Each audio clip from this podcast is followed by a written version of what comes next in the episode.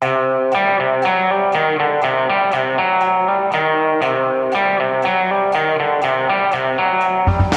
Det norske samfunnet fases inn igjen fra 20. april. Dette er Giæver og gjengen tirsdag den 7. i samme måned. Ja, øh, vi sitter her, Astrid Mæland og Hanne Skartveit, i hvert vårt hjemmestudio, og vi er egentlig bare midtveis i den pressekonferansen øh, regjeringen har, hvor de presenterer hvordan Norge sakte skal vende tilbake til moralen. Moralen Normalen, mener jeg selvfølgelig. Uh, Astrid, hva er de viktigste tingene som ble sagt? Ja, Det er jo det at uh, skolene og barnehagene åpner gradvis. Erna tar de viktigste først, de minste. Uh, det blir ikke som i Danmark at det åpna like etter påske, altså tredje påskedag hvis vi skal kalle det, men det åpna mandag den 20. aller først, og så tar vi en uke til, og så åpna det mandag den 27. Og så kommer det på råd og rekke litt mer behandlingstilbud, psykologer, fysioterapeuter, frisører Eh, optikere eh, osv. Men eh, så langt det lar seg gjøre å utføre arbeidet smittevernsmessig fornuftig, altså at de skal ha tiltak som gjør at de hindrer smitte på de her arbeidsplassene og i næringslivet. Altså Som far til en 14-åring så fikk ikke jeg helt med meg når han skal kunne vende tilbake til skolen? Nei, som, som, mor til en femåring så har jeg selvfølgelig helt glemt 14-åringene her, Anders. okay.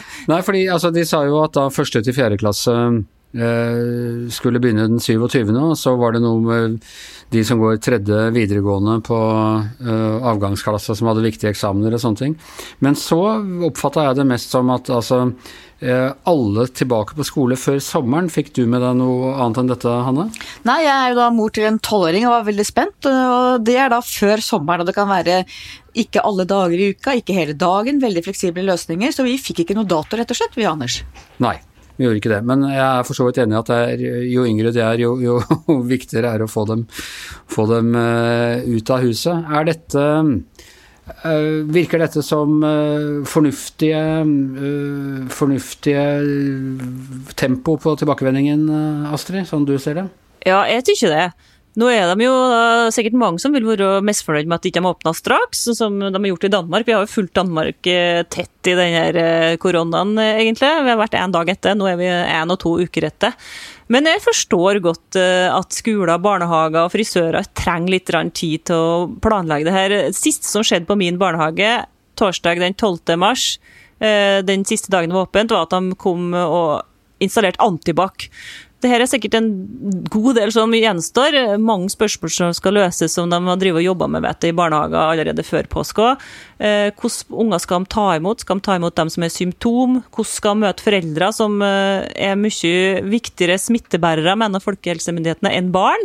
Det var en av grunnene til at eh, barnehager og skoler skal åpne. At de tror ikke at barn er så fryktelig viktig for å smitte i korona. Men altså, det kommer jo titalls foreldre innom barnehager og skoler hver dag. Eh, og hva med alle dem som er symptom? Hva med risikogrupper som jobber i skoler og barnehager, som er over 60 år, 65 år, som har astma, eh, diabetes osv.? Mange spørsmål som skal avklares, og jeg skjønner det at eh, de ansatte trenger å trygges, og at myndighetene trenger tid. Hva syns du om dette, Hanna? Er dette fornuftig tempo på tilbake til normalen? Ja, jeg syns de har valgt en veldig fornuftig vei med å ta det gradvis. Det kommer også tydelig fram at noe av fagmyndighetene ønsket å gå lenger, og der har regjeringa foretatt de hva skal si, helhetsvurdering som går på både å vurdere helsefaglig, smittevernmessig hensyn, men også hva som er samfunnsmessig gamle, hva som er av hensyn til foreldre, til ansatte. Så jeg syns de har valgt en ganske klok vei gjennom dette. Hva syns du, Anders? jo, nei, altså jeg, vet du hva? jeg legger meg helt flat for myndighetene i denne saken, uh, saken her. Uh, jeg, er glad, jeg, er glad, jeg kan dra på hytta uh, mot slutten av april. selv om det ikke akkurat var, var den viktigste saken, er det liksom blitt en litt sånn symbol på hva som er hva som er tilbake til normalen. Jeg tror at det kanskje var viktig sånn rent psykologisk, hva tror dere? Ja, og så er det klart at det viktigste argumentet mot var jo eh, kapasiteten i en del av disse hyttebygdene hvor de har bygd ut svære eh, hytteområder eh, med mange tusen. Ofte nå disse bygdene fordobler seg, mangedobler seg i innbyggere i løpet av påsken. Og det presset vil jo være borte nå. Det vil være mer helgeturer og ikke den type press, den mengden. Så jeg tror det var klokt. Men jeg tror det var klokt å vente til etter påsken også. Og ikke svære snøfonner. For rent sånn smittevernmessig så har vel ikke det hytteforbudet hatt noen særlig funksjon, eh, har det det, Astrid?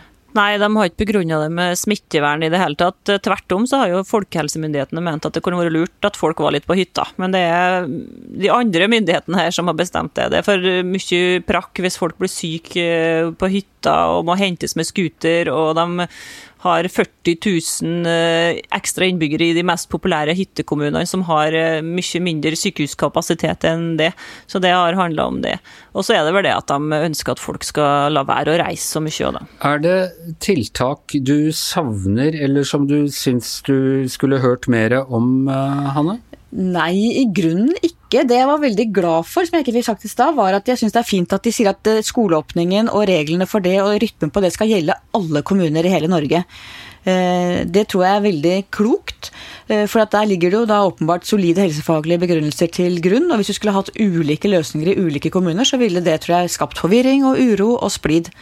Eh, men det er ikke noe tiltak jeg mangler som jeg kan komme på i farta, nei. Det var jo ellers veldig mye fokus på håndvask fremdeles. Jeg tror alle tre, eh, altså statsministeren og to statsråder, var eh, veldig redd for at vi skulle glemme å begynne å vaske hendene. Det skulle vi, skulle vi bare fortsette med i, i lang tid. Er det, er det en begrunnet bekymring, tror du, Astrid? Jeg har vaska meg så at huden nesten har falt av hendene her. Jeg ble litt glad over den beskjeden, egentlig, fordi at det virka som de nå mener at vi kan standardisere oss og vaske oss og planlegge oss ut av eh, koronakrisa. Det er jo slik at de sier at frisører, optikere og alle andre kan ha åpent hvis de klarer å ha nok avstand mellom folk, og hvis de klarer å sørge for at smittevernhensynet er tillatt. og Sånn sett så syns jeg det ble litt glad når jeg hører den ideen. Hvis det er slik at vi bare kan komme oss ut av det her, klare oss å holde deler av Norge åpent bare ved å vaske hendene våre, holde avstand og ha, sosial, ja, ha sånne nye smittevernregler, så er det det mye mye bedre enn at vi må holde skoler og barnehager stengt. Og så er jeg jo glad for at eh, Erna Solberg og regjeringa prioriterer de yngste, eller barna våre, først. Da. Altså alle musikkfestivaler i Norge og eh, fotballkamper og alt sånt, det er viktig, men det er nå tross alt viktigere å begynne med de minste først. Ja, selv om det var vel ikke egentlig en enten-eller, enten fotballkamper eller eh, eller barnehager. Hva mener vi på lederplass om eh, dette her, Hanne? Her mener jeg at dette var en fornuftig tilnærming til en vanskelig krise, og at de avveiningene og vurderingene regjeringa står overfor nå, er kanskje de tøffeste vurderinger noen regjering har stått overfor, i hvert fall i min levetid. Så vi gir dem litt honnør for det og sier at dette er fornuftig, men at det, og at det er nettopp de ulike hensynene som må veies mot hverandre, og at tiltakene så langt har hatt en ganske høy pris for mange mennesker. Vi har jo diskutert flere ganger i vinter, egentlig, også før alt dette satte inn, litt sånn lederstil og, og Erna Solberg og, og, slags, hvordan historien vil huske henne og sånne ting.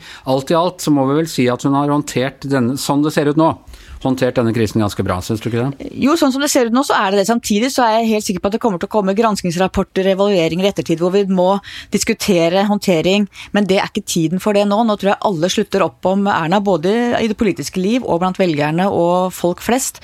Og så må vi ta de grundige granskningene etterpå. Det blir nok litt snakk om beredskapen og smittevernutstyr og, og sånne ting når dette er over.